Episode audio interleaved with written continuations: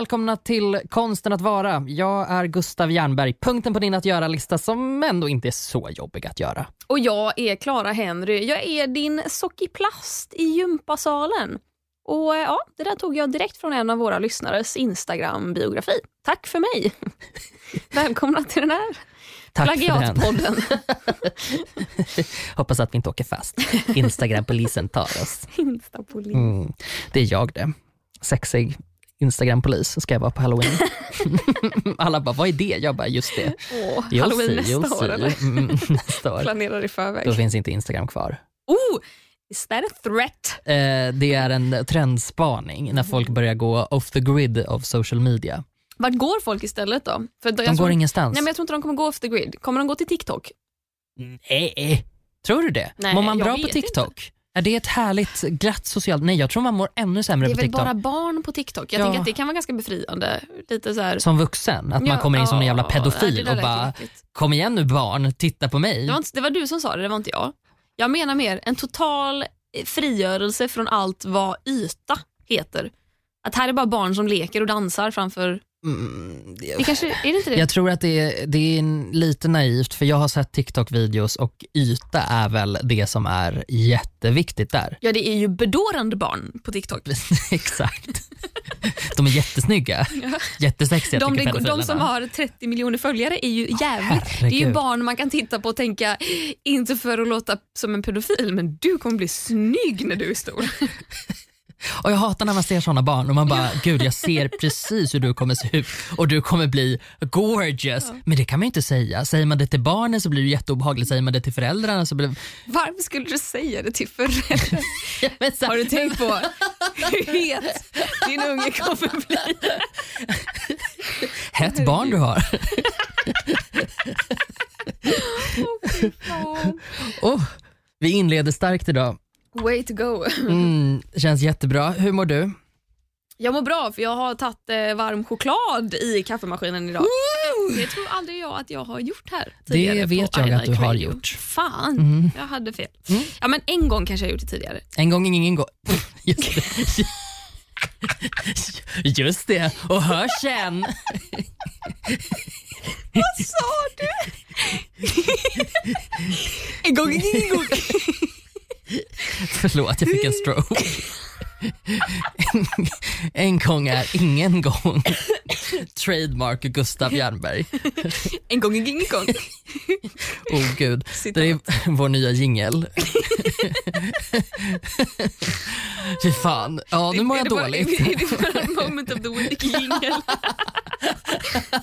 Ja, det kan bara vara ett hopklipp av när vi säger orimliga saker. Ja. Det går bra med vår jingel för Moment of the Week. Vi har pratat om den jättelänge men den blir aldrig av. Men vi har ju hittat en person här nu i radiohuset som vi spelar in i som Just faktiskt ja. kan klippa ihop en sån jingel åt oss. Så snart, hörni, den som väntar på något gott, Efter nyår kanske? efter nyår kanske kommer en ny jingel. Det blir alldeles fantastiskt. Hur mår du? Jo, för fan inte ska väl jag klaga inte. Nej, ja, men jag mår ganska bra tycker jag. Mm. Mycket att göra? Mm, ja, ganska. Jag har en, en väldigt fullbokad höst i allmänhet. Att jag eh, sysselsätter mig med ganska mycket. Men det är mycket produktivt. Jag, jag läser min kurs och jag börjar ta på mig lite frilansgrejer och jag har liksom ganska, ja, ganska roligt måste jag påpeka. Påstå kanske. Jag måste påpeka att det är roligt. Ehm, så, att, ehm, så jag mår ändå helt okej mitt i mitt i liksom. Det är ganska mycket men du vet när man bara märker att man tar sig igenom det och man blir inte ehm, helt överhopad.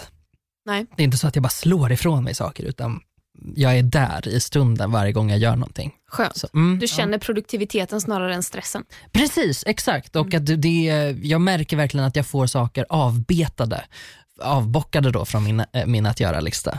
Eh, så nej, men helt okej tycker jag. Skönt. Mm. Jag har ju precis börjat jobba med en, eh, ett projekt och jag låter bli att säga vad det är för projekt bara för att så här, jag ska vara lite gnällig nu. Och Ja. eh, Det kanske är dumt, man kanske ska bara ska våga stå för vad man tycker.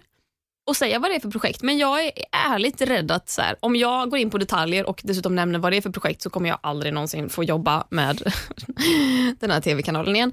Eh, för att eh, jag tror typ att det är så när man är typ ung tjej och vågar säga vad man tycker. Jag tror att det krävs mycket för att man ska bli förlåten om man är den som ställer sig vid bordet och bara flips it. Typ. Men det har varit en sån jävla härva inför det här projektet. Det har varit sån dispyt med producenten och det har varit liksom medarbetare i det här projektet som har liksom blivit typ hotade att inte få vara med när de har försökt att löneförhandla. Oj! Eh, alltså det är grejer, alltså facket har vi varit i kontakt med. Det är liksom på den nivån.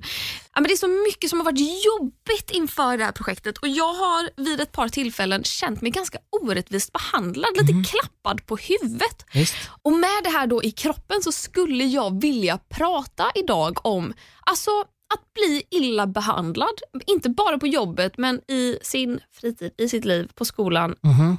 Eh, alltså lite orättvisa situationer som man kan finna sig i. Visst.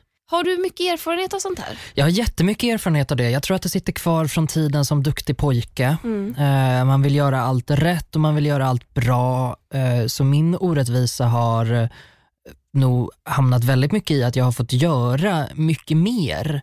Och det har funnits en förväntan på mig att göra saker. Som någon annan, till exempel om man tar, jag har ju som princip att inte prata, åtminstone inte om mitt nuvarande jobb.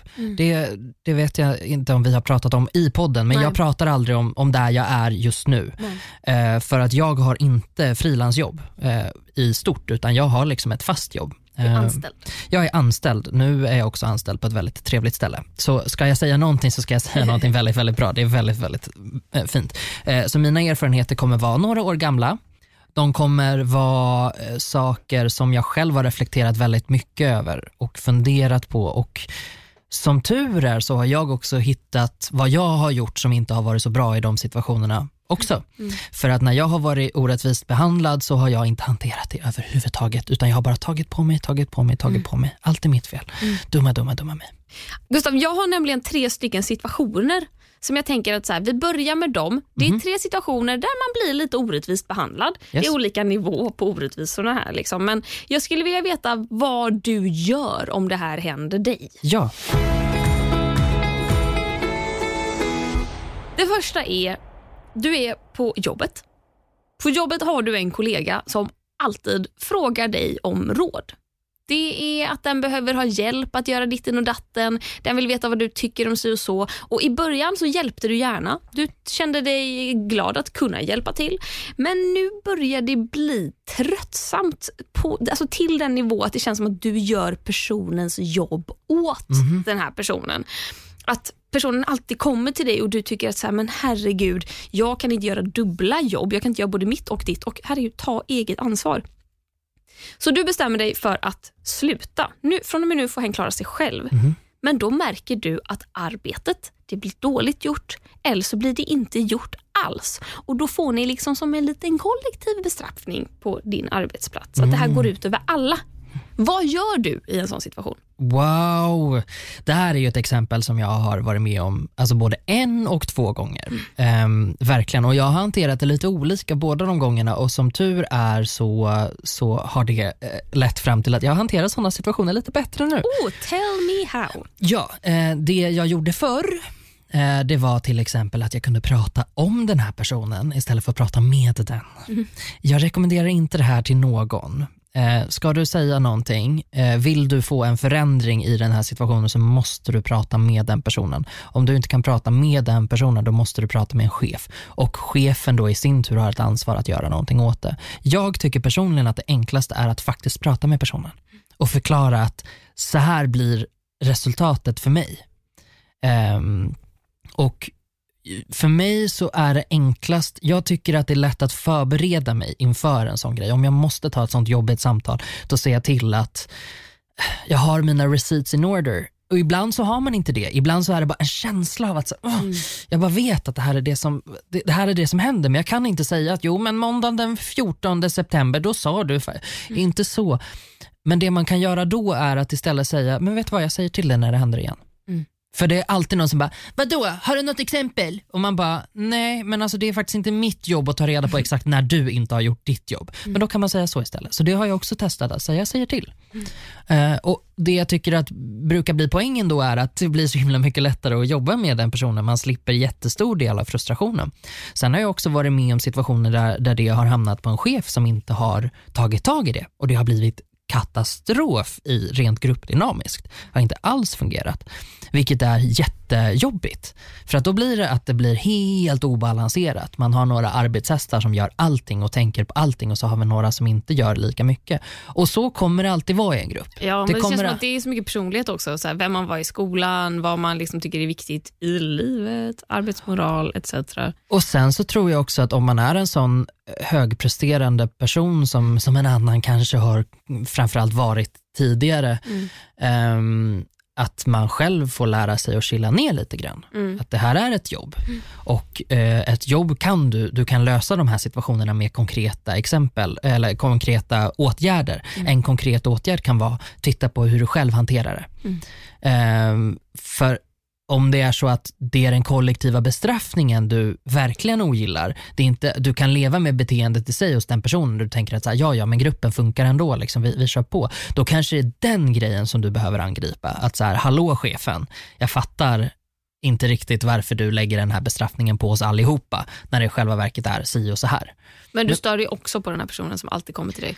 Man bara, gör ditt jävla jobb. Ah. Det är som när Elsa Alltså inte, nu vet inte jag om min kompis Elsa lyssnar på det här. Jag menar inte dig, jag menar den andra Elsa i vår Det var den jag trodde. Jag bara, oj ah, vad nej, personligt nej, det blev. Nej, nej, nej.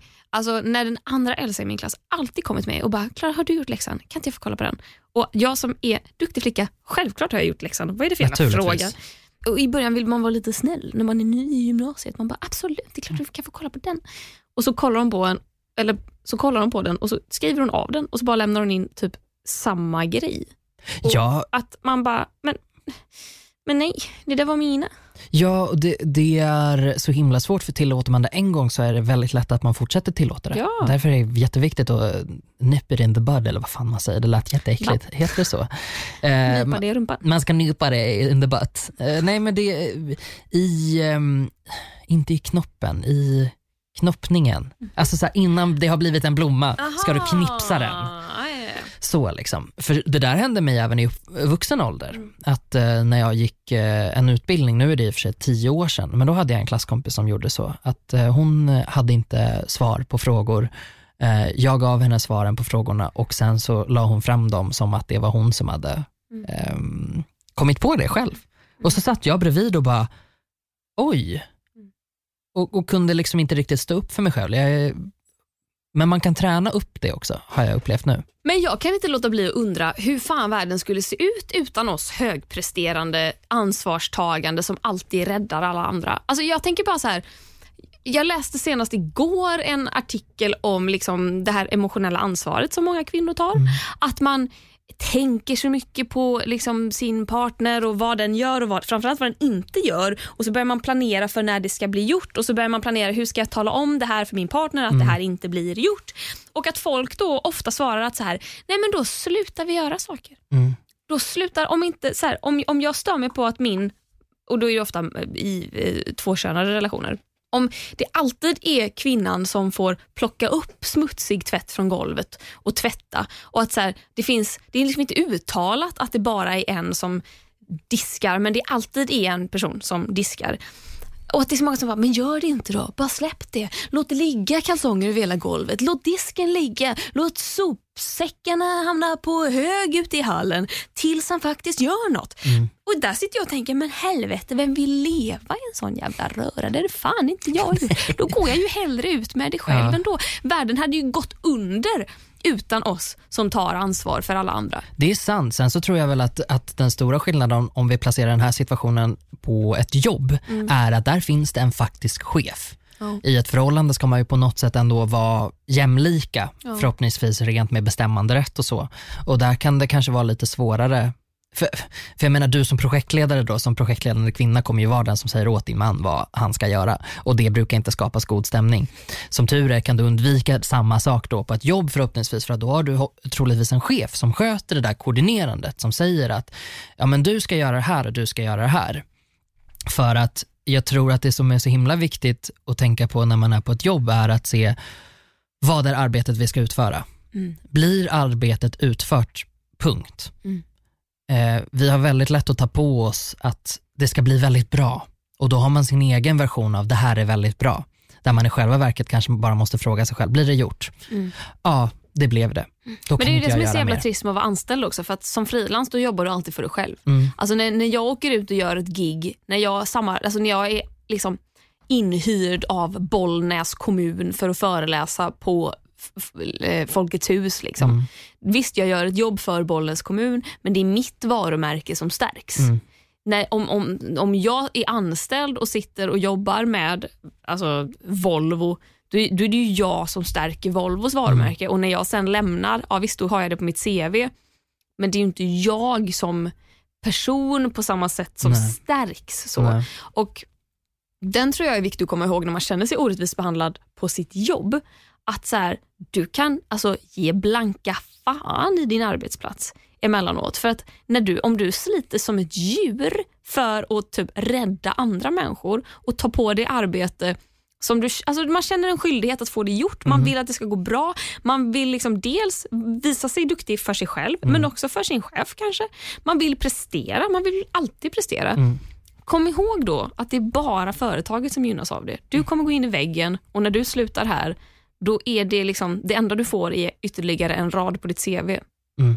Ja, nej, men jag håller, jag håller helt med. Mm. Det är väldigt lätt att, att eh, slappna av för mycket och för lite på jobbet. Mm. Ehm, så jag tror det viktigaste är att förstärka ledarskapet. Jag tror jättemycket sitter där. Mm. Är en ordentligt duktig ledare så kan den hantera de här grejerna. Då kommer det inte upp, och uppstår det sådana situationer så kan man lösa dem. För att då kanske det handlar om att ja, men du ska ha eh, svårare arbetsuppgifter eller du ska ha mer tänkarbetsuppgifter. Du ska sitta och göra allt det där. Liksom. Och din kollega kanske ska vara den som, jag vet inte vad den ska göra, men den kanske ska göra någonting annat. Det finns alltid en konkret lösning på det, men så länge det bara ligger och bubblar som dålig stämning, då blir det ingenting gjort och då blir det väldigt starkt den här känslan av att jag är orättvist behandlad. Nästa situation som du ska få sätta dig in i Yes. Lyder. Du har fått godkänt på en tenta på din Bergs School of Communication-utbildning. alltså bara godkänt. Det är inte din bästa tenta visserligen, men ja, bara godkänt. Mm. Ehm, sen råkar du se en klasskompis tenta. Du slänger ett litet getöga på, skummar lite och ser att svaren är ändå slående lika dina. Men din klasskompis har fått ett VG. Vad gör du? Um, vet klasskompisen om att jag har tittat på den? Ja, ni kanske har tittat på varandra. Ja, om jag har det, det är en uppenbar orättvisa här. Ja. Att så här, men vänta lite nu, vi har ju svarat nästan samma saker. Varför var dina svar bättre än mina? Ja, då kan jag ställa den frågan till, till den som har betygsatt i sådana fall. Ja. Om jag, om jag kan få plocka med mig båda proven och bara, men kan du förklara för mig vad skillnaden är här? För där kan jag vara en rimlig människa också, så här, åh jag förstår vad du menar, men är svaren så slående lika, då ska man ju rimligtvis få samma betyg också. Mm.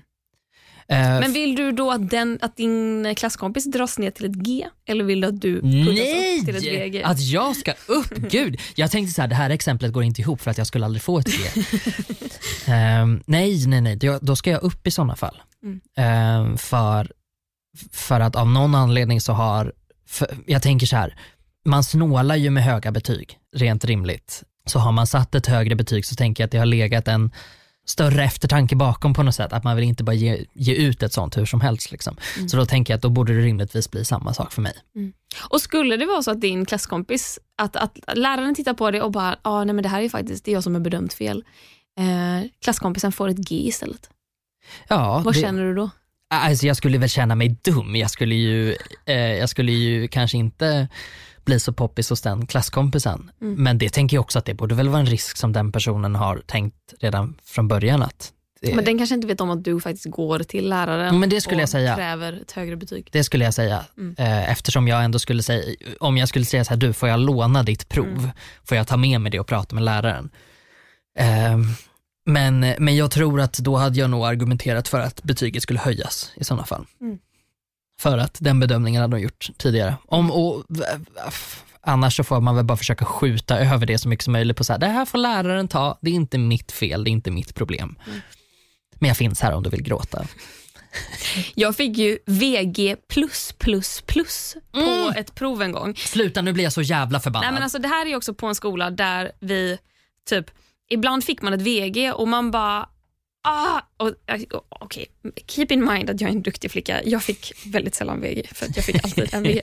Men när man fick ett VG och man blev besviken på sig själv för att man var ett litet dumhuvud, då kunde man gå till läraren och bara, vad är det som gör att jag har fått ett VG här? Och då kunde de bara säga, Klara, alltså hade vi hade vi kunnat skriva ut VG plus på det här så hade vi gjort det. Men det är inte tillräckligt för att så här, det här saknas för att det ska vara ett MVG. Men det är verkligen det är ett starkt VG, det är VG mm. plus på det här. Och att man bara säger okej, okay, ja ja, det hade i alla fall blivit lite gladare om de hade skrivit dit det där pluset då. För att man är bekräftelsesökande idiot. Men en gång så fick jag då VG plus plus plus, alltså tre Nej, men plus. Då får man... Och då går jag till min, eh, jag tror att det här var i psykologi kanske, då går jag till min psykologilärare och bara, hej, vad fan är det här och varför är det inte ett MVG? Och att han bara, Eh, såhär, såhär, börjar skumma i det som att han aldrig har läst det förut. Bara, jo, eh, och så typ kollar han sina egna anteckningar och bara, jo men grejen med det här var att såhär, du har inte utvecklat eh, det här stycket om eh, varför eh, Freud tyckte så här. Och jag bara, eh, jo, såhär, bläddrar en sida fram. Här har jag utvecklat eh, om varför han tyckte så här. Och så läser han det och han bara, ja, ja men det har du gjort. Ja, alltså det är solklart. VG+++. Riktigt starkt VG. Och jag var bara, men var är mitt MVG? Men jag fick inget MVG på den. Han, han var bara envis. Ja. Och att det, var, det, det, skulle ha varit ett MVG. Ja. Men jag var så besviken. Ja. Jag kan relatera jättestarkt till den uh, känslan av Eh, eftersom jag då gick på en högstadieskola där de sa till mig, Gustav, här har vi inte utbildning på MVG-nivå. Och jag bara, LOLS! Och sen sa mina betyg hej då och mm. återkom aldrig till sin forna glans. Eh, så jag fattar verkligen. Mm. Okej, okay, jag har en situation till där jag vill veta vad du gör. Mm. Du är på jobbet, det är fredag, du har lite helg-feeling Chefen bjuder på fredagsfika och du gläds av åsynen av en glutenfri muffin som står där på en separat tallrik. Och den är till dig, för chefen vet om att du är glutenintolerant. Men precis när du ska claima det som är ditt så har din själviske kollega greppat taget om den här enda muffinsen. Först till kvarn, säger hon. Jag utesluter ju faktiskt gluten ur kosten säger hon då till, alltså till sitt försvar. Eh, och hon är inte alls glutenintolerant, den jävla haggan. Nej, vad gör jag? Orättvist. Vad gör du? Eh, jag tar muffinsen och eh, trycker upp den i ansiktet på henne och säger håll käften din jävla hagga. Så gör jag och så får jag sparken. så tråkigt, gluten kan ha den inverkan på folk. Um, nej, men uh, mitt svar kommer inte bli så roligt på den för att jag är ju en orimlig människa just när det gäller bakverk också. Jag bryr mig inte så Fan! mycket. Jag skiter lite i det och jag är så okej, van. Vi ser, säg att det handlar om något som du bryr dig om då. Ja, jo men jag förstår att jag måste tänka mig. Ja, och gud, hon tar den enda glutenfria ja. hundvalpen som jag ska äta upp. Först till kvarn! um, jag utesluter faktiskt katter ur kosten. ja, okej. Okay, uh, nej, men då säger jag nog, då säger jag faktiskt till henne. Um, om jag verkligen bryr mig bara, oj hoppsan, den där är nog menad till mig. Mm. Men du tar inte fighten, du är väldigt artig ja, och saklig. Det är jag, för att jag är väldigt sällan eh, oartig. Mm. Men om hon inte vill ge dig den då? Nej, då skulle jag släppa det. Alltså, det ja, det skulle jag göra och så skulle jag, så skulle jag bli nog lite sur tror jag. Ah. Jag tror, alltså, men det har också lite grann att göra med vad som har hänt före på något sätt. För ah. om det är en människa som jag gillar väldigt mycket har jag väldigt svårt att se att hon skulle säga nej den är min och är en människa jag ogillar. Då skulle jag nog också kunna fortsätta bråka lite grann. Att jag mm. så här, vet du vad? Den där är till mig. Mm. Jag ger mig inte. I'm like a dog with a bone. Släpper jag inte tag i dem. Nej men så jag skulle nog absolut kunna bråka lite grann om jag brydde mig väldigt mycket. Och om det är en människa som jag av någon anledning inte unnar den där bakelsen, mm. hunden, hundbakelsen som är så god och gosig. Alltså för jag tänker ju att jag tar ju fighten där. Alltså är det så att den här är faktiskt min, den här är det, det är det enda jag kan äta. Det finns fika för alla mm. och jag skiter i om du är lite sugen på det. Det är som när man typ så här, kommer till ställen man har anmält vegetarisk ja, mat ja, men ja, det står uppställt som en buffé så att alla yes. kan ta. Du måste inte gå och säga till, hej jag har beställt vegetariskt och så ger de dig det. Utan det bara står där. Och så tar folk av det vegetariska som inte har anmält vegetariskt mm. för att de är lite taggade på en vegetarisk måndag. Mm. Och man mm. bara jättebra idé men har du inte anmält då finns det inte mat så att det räcker till oss som Nej, har anmält vegetariskt. Och där, där blir, jag blir nog lite så här byråkratihagga där också. Att jag, mm. att jag går igång lite grann på, på min hjärnas statliga myndighet. Så att om då den här människan skulle bifa med mig då tänker jag att jag direkt går till nästa instans. Mm. Så då tar jag reda på var kommer fikat ifrån och hur ska jag få fler hundvalpar? För att någonstans måste det ju komma. Eh, så då, fighten kan ju fortsätta även om jag inte fortsätter den med den här personen som äter hundvalpen framför ögonen på mig. Då måste jag ju gå till personen som kanske eh, office manager som har plockat dit det. Mm. Och chefen så, i det här fallet då, som bjuder på fredagsfika. Ja exakt, ja, men då går jag till chefen och säger, och då kan man ju vara shady också och bara den personen åt mitt. Mm, då vet chefen det också när det är dags för löneförhandling. som om den bryr sig. du åt Gustavs muffinshund. Ja, jag ser här i mina anteckningar att eh, Nej, men jag kan bli lite så här överdrivet pedagogisk som om den jag pratar med är dum i huvudet. Att så här, mm bara, ser inte du logiken i att det finns en glutenintolerant på det här stället och det finns en glutenfri muffin? Ditt jävla mm. dumhuvud. Mm. Det är som så här, förra året, i, eller i år blir det ju i Robinson, när, okej, okay, internt, men när Klas fick byta lag från lag, nu måste jag säga, han var gul så det blir lag nord till lag syd. Han hoppade liksom in där och de typ var väl lite taskiga mot honom för att han var liksom nykomling där och han käkade inte kött. Så att, och Då hade de fått några konserver och Då frågade han bara, men jag som inte kan äta av köttkonserverna, är det okej okay om jag tar lite mer av bönkonserverna? Mm. Eller något sånt. Och att alla bara, nej. Alla får sin portion, vill du inte ha den så får du stå över. Och där satt jag hemma och bara, nej! Nej! Så här, kan man inte se det orimliga i det? Ska man dela upp mat? Jag tänker också när man redan svälter. Alltså om man då ska dela upp maten så att alla blir lite mätta, då kan man ju inte neka en person bara för att han inte vill eller typ kan äta någonting. Oh, och jag tycker allt det här det låter som en metafor för skattesystemet. Gör inte det? Ja, alla ska vara lika. Ja, exakt. Och har du, har du mer har du mer så ska du ge mer. Ja, man delar med sig. Exakt. Alla måste bli glada, alla, alla är lika värda.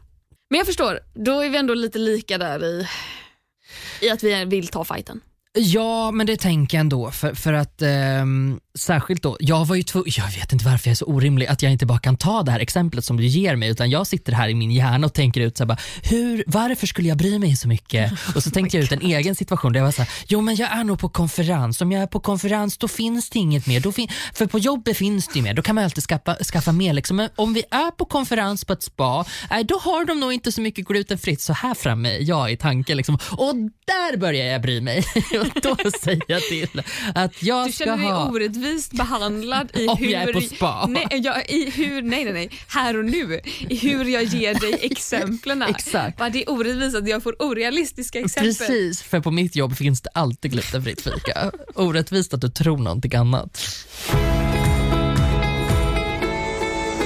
Men eh, bra situationer, jag tror de flesta kan känna igen sig i dem. Jag tror det. Mm. Du jobbar ju annorlunda än jag. Jag tror att jag har en mer representativ bild av hur många i alla fall tidigare har arbetat. Att man har en arbetsplats och så kanske man byter någon gång varannan, vart tredje år. Liksom. Eh, men hur kan sådana här situationer se ut för dig som är frilans? Alltså situationerna kan väl se ut som så att man blir orättvist behandlad i att man inte blir inkluderad i ett arbete som man ska vara inkluderad i. Till exempel, ett, någonting som återkommer är väl att jag ofta använder mina egna ord. Jag ska stå på en scen och leverera ett manus som om jag inte läser från ett manus. Visst. Det är när jag föreläser, när jag är konferencier, när jag är moderator i en panel. När du är moderat. Jag är moderat. jag ska... Framförallt då. Ord som är, som är mina. Ehm, men eh, ofta finns det manusförfattare som kan hjälpa en eller så finns det liksom någon på något företag som bara, men vi kommer skriva en stomme och eh, det kan du utgå från.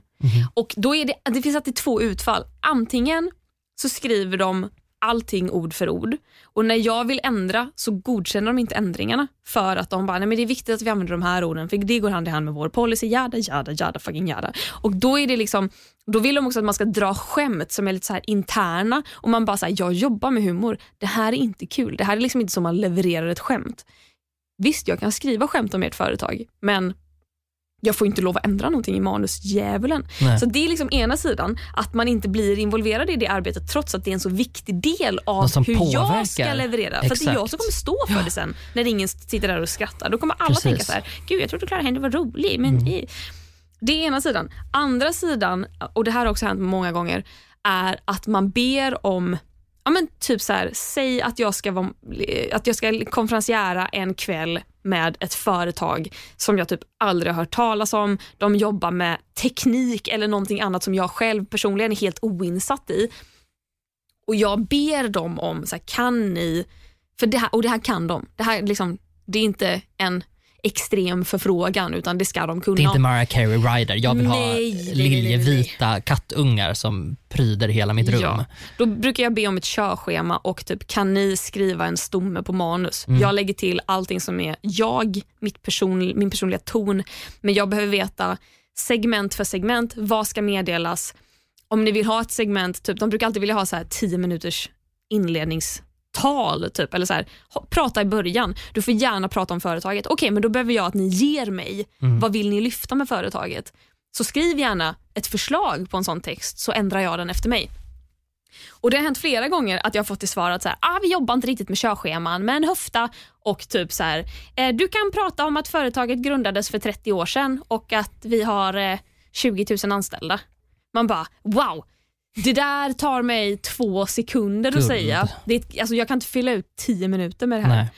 Och Det är så många som alltid här bara, men vi jobbar inte med körscheman. Man bara, nej men ni måste, då är det dags nu. För att det kommer finnas en ljudtekniker i den här liksom, konserthallen som ni har hyrt in er på som kommer Ja. vilja veta tidskoder. Hur kan man inte jobba med Nej, körschema? men då har man aldrig gjort någonting Nej. sånt här förut. Då ska man ju ta in en projektledare som har gjort såna här events, men det gör de inte för att de är snåla jävlar. För ett körschema det är i princip bara klockan 20.00, lamporna tänds, Clara Henry går upp på scenen Exakt. och säger 20 0 vi har 20 000 anställda. 05 Ja. till 2010. Precis. Och Klara i håller tal. sin enklaste form kan det vara sådär. Liksom, om man ska Ja. vara super, om det är typ SVT som bara, vi har en produktion, då kanske det är lite mer intensivt. Inte bara Klara pratar, punkt. Ja, och så säger jag bara så här, kan jag få spela en låt när jag går in så att jag Mm. slipper gå in till tystnad? De bara, oj vi vet inte riktigt hur man gör det. Man bara, nej men det är där ni har en ljudtekniker som ska ha Det är där ni kan ta körschemat. reda på det också. Exakt. Mm. Så att så här, det, oh, det här låter ju också som jättebasic grejer. Det är väldigt basic men det brukar alltid sluta med att jag sitter och skriver ett körschema.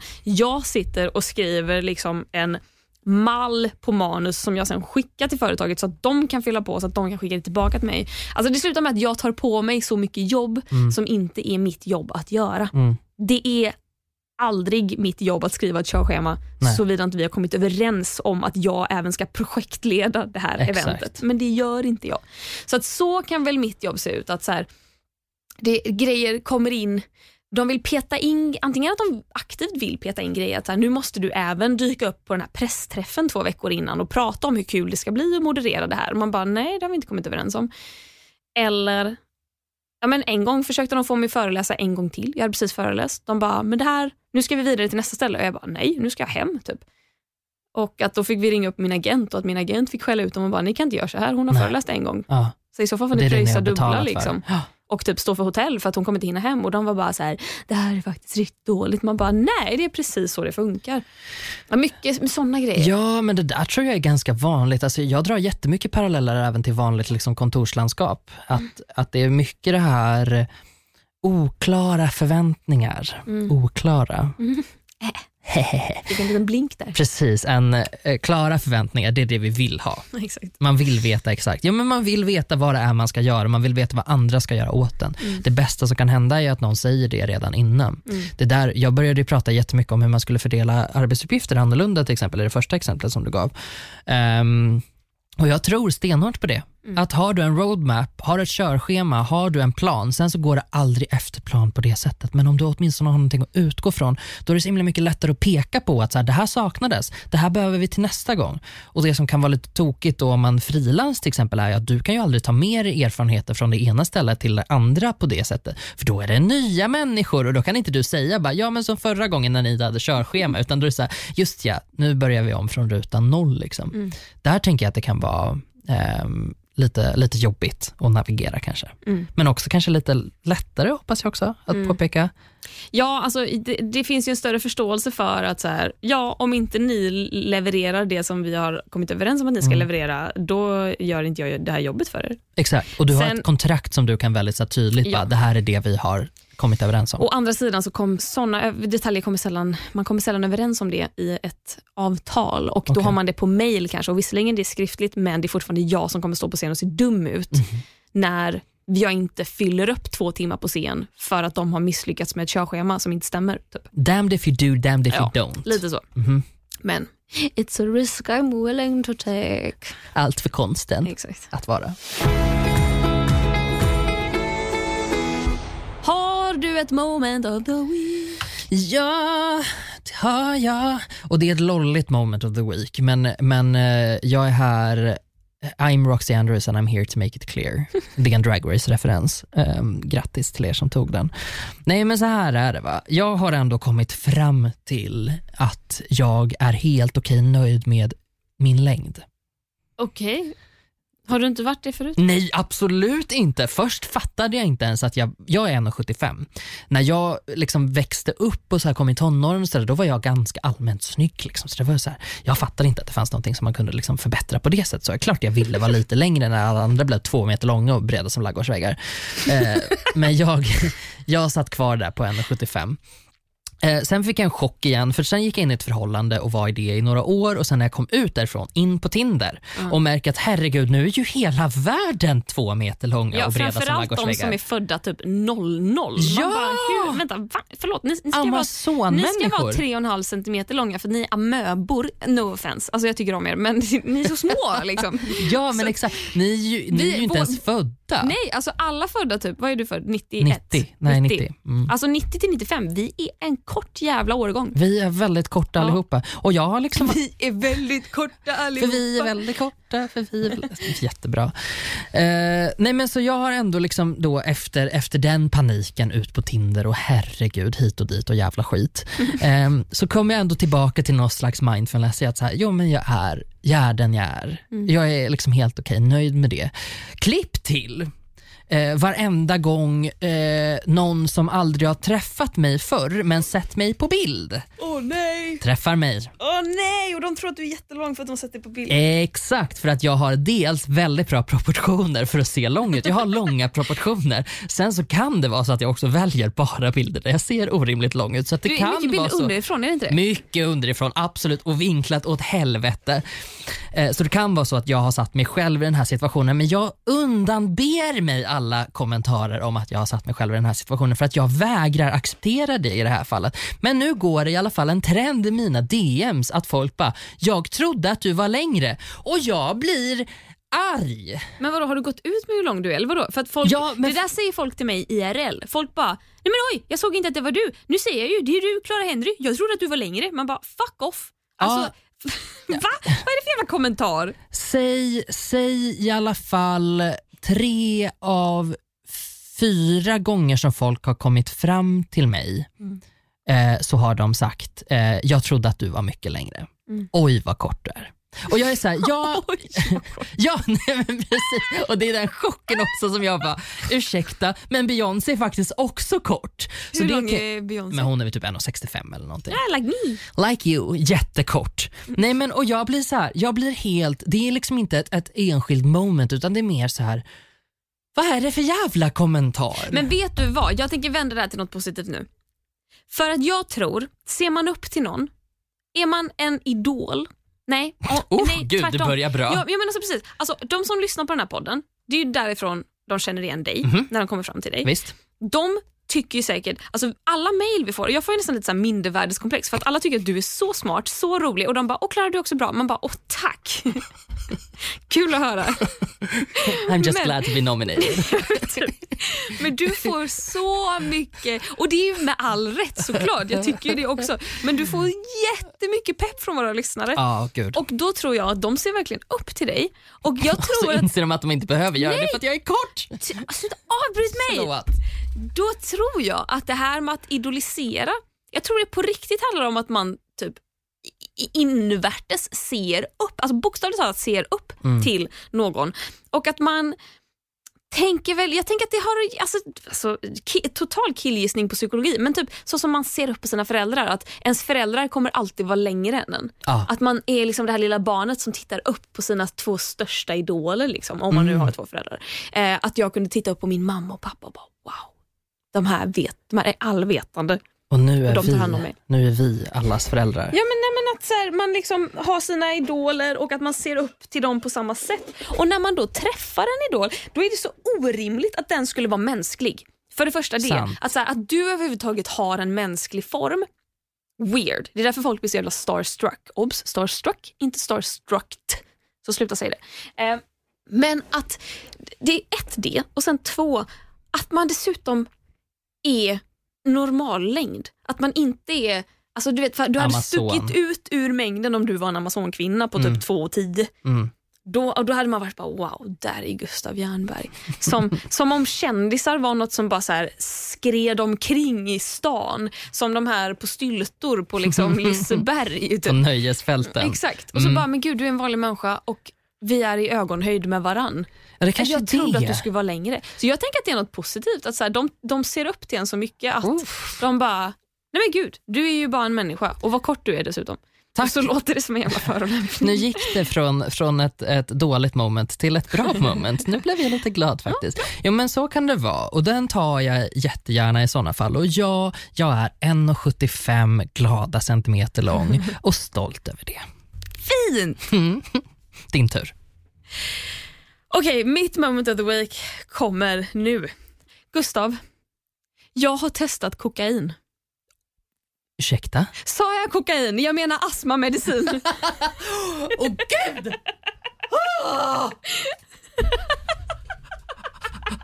Och att det också ser ut som att du bara har räckt fram ett nypolerat äpple till läraren och bara, jag har testat kokain.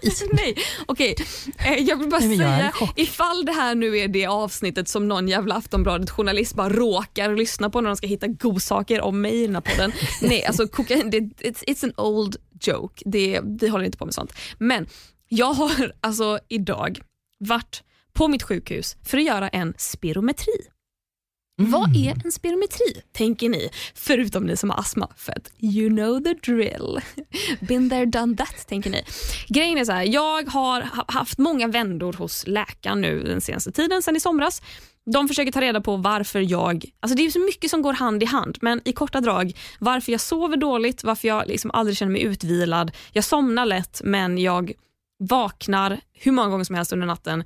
Jag är alltid trött på dagarna och jag är dessutom täppt i näsan. Jag kan få lite svårt att andas. De försökte bara säga, är du allergisk mot någonting? Nej, vi hittar ingenting där. Senaste budet som de landade i var, hon kanske har astma.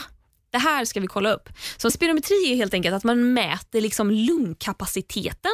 Först som den bara är som vanligt. Sen får man astmamedicin. Och inte bara astmamedicin utan du får en överdos av astmamedicin.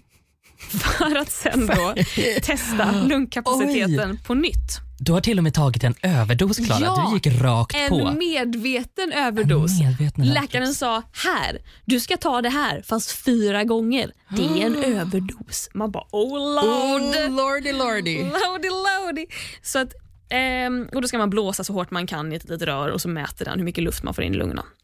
Det gick jättebra. Jag var jätteduktig på att blåsa. Jag eh, är, blev, alltså, du vet när man blir lite så orimligt nöjd över att läkaren bara “riktigt bra, ja det här behöver vi inte göra om”. Som om alla andra patienter är dumma i huvudet och behöver göra om för att de missuppfattar har hur man ska blåsa i det här röret. De vet inte hur man andas. Jag lyckades på första försöket och jag vill bara säga det. Dessutom hade jag 100% syreupptagning när hon satte fast någonting på mitt finger för att mäta vilken Oj. syreupptagning jag hade. Hon bara, folk brukar inte ha 100%.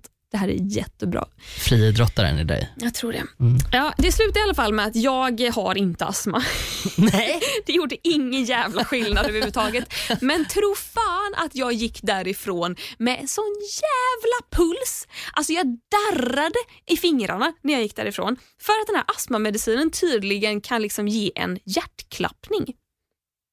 Oj. Och det här, jag har ju haft en sån liten astmamedicins grej för att testa. typ så här, för den, jag menar Det ger inga biverkningar direkt. Om, om inte jag behöver luftrörsvidgande medicin men ändå tar den, Mhm. då, ah, det, det kommer inte göra någonting riktigt. Nej. Så jag fick en sån för att testa i somras och märkte väl typ inte så stor skillnad men nu kollade vi det på riktigt. Liksom. Ja.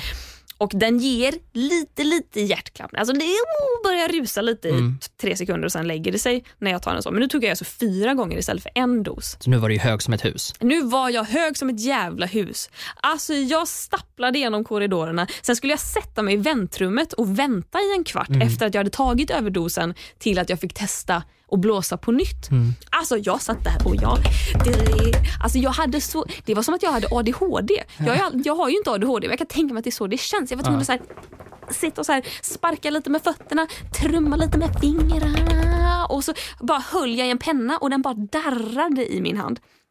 Och puls, jag kunde känna min puls på halsen liksom och jag var helt, helt stissig. Så att när läkaren kommer och säger Klara, då ska vi testa igen. Då hoppar jag liksom upp och bara jajamän, gud vad kul det ska bli, gud vad spännande. Jag undrar om det blir någon skillnad.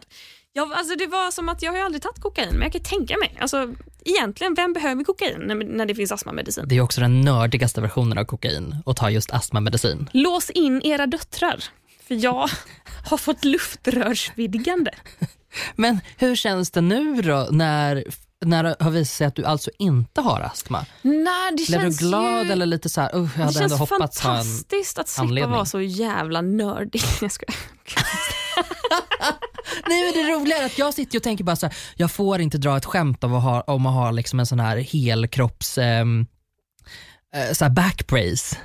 Va? Och typ headgear. Jag kan, varför kan jag bara prata engelska? Eh, ha som en sån här natthandställning som går över i en skoliosställning som man har på ryggen och sen har man en sån astmaspray som är den fulaste nidbilden av att ha astma. Och jag lovar att det finns moderna människor Ja. med astma också.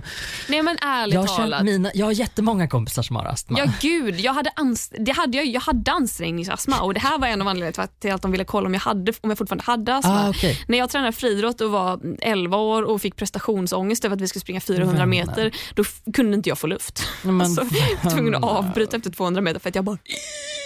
Lilla. Så det hade jag, jag hade räls och jag har läsglasögon. Alltså, jag tycker att jag har mandat om skämt om att Tolkningsföreträde. astma är lite... Det är ju ändå, det tillhör nidbilden av vad som är lite töntigt. Men we're all in this together. Jag har fortfarande min luftrörsvidgande hemma och tror fan att jag kommer använda den när jag ska ut och springa för att jag tycker att det är lite skönt.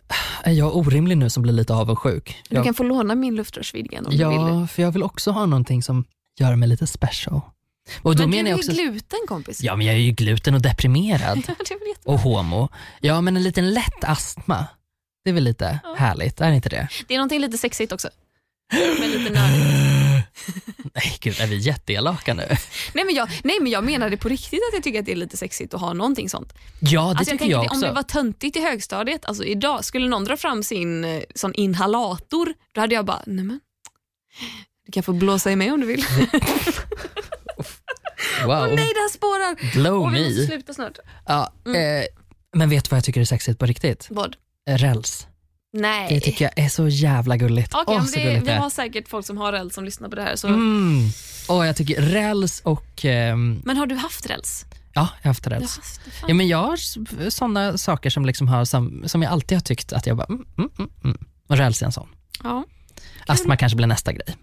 ja, astma är nog min grej tror jag. Mm, sexigt. Jag är singel, hör av er om ni har astma.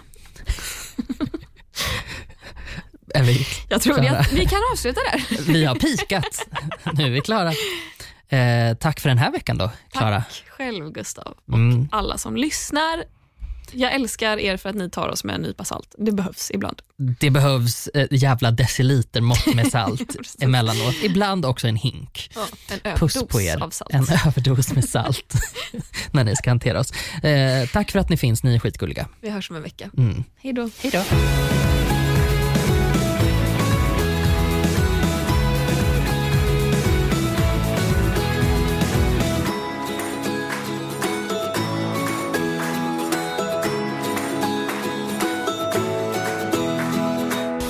Produceras av I Like Radio. I like radio. Nu startar fotbollsfesten på Circle K. Testa våra nya french hotdogs och dressingar med smak av hela fotbolls-Europa. Italiensk parmesan, nederländsk ostdressing och engelsk sour cream and bacon.